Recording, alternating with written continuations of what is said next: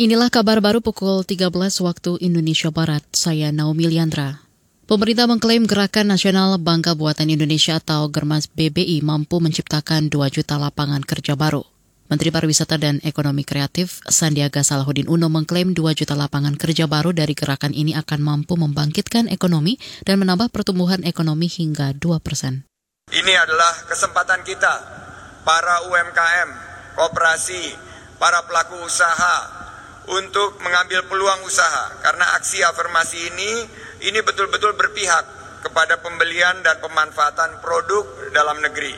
Ini berpotensi juga menghadirkan transaksi pembelian produk dalam negeri targetnya 500 triliun. 500 triliun dan potensi belanja BUMN sampai dengan 420 triliun. Menteri Pariwisata dan Ekonomi Kreatif Sandiaga Uno mengatakan dengan Gerakan Nasional Bangga Buatan Indonesia UMKM yang masuk ke pasar penjualan digital telah mencapai 57 persen dari target pemerintah 30 juta UMKM.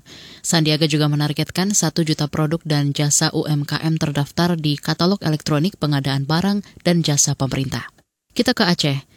Tiga ekor harimau Sumatera ditemukan mati di kawasan hak guna usaha HGU PT Alwer Timur Kabupaten Aceh Timur kemarin. Tiga ekor satwa dilindungi ini mati terkena perangkap hewan.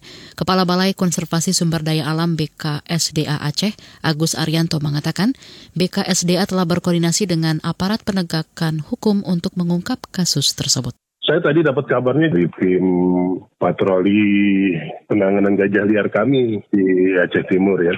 Mereka melakukan patroli terus melihat adanya temuan jejak harimau gitu ya. Dia ikutin terus gitu ya. Dan rupanya sampai kepada titik tertentu terjun bawa bangkai gitu kan. Kepala BKSDA Aceh Agus Arianto menegaskan akan mengusut tuntas penyebab kematian satwa liar dilindungi itu bersama aparat penegak hukum.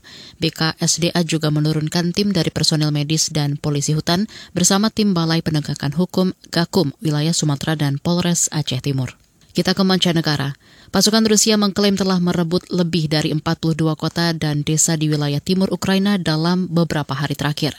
Rusia bahkan telah menguasai Mariupol, kota pelabuhan terbesar di tenggara Ukraina. Dikutip dari The Straits Times, pertempuran pasukan Ukraina dan Rusia di wilayah timur terjadi di sepanjang lebih dari 400 km.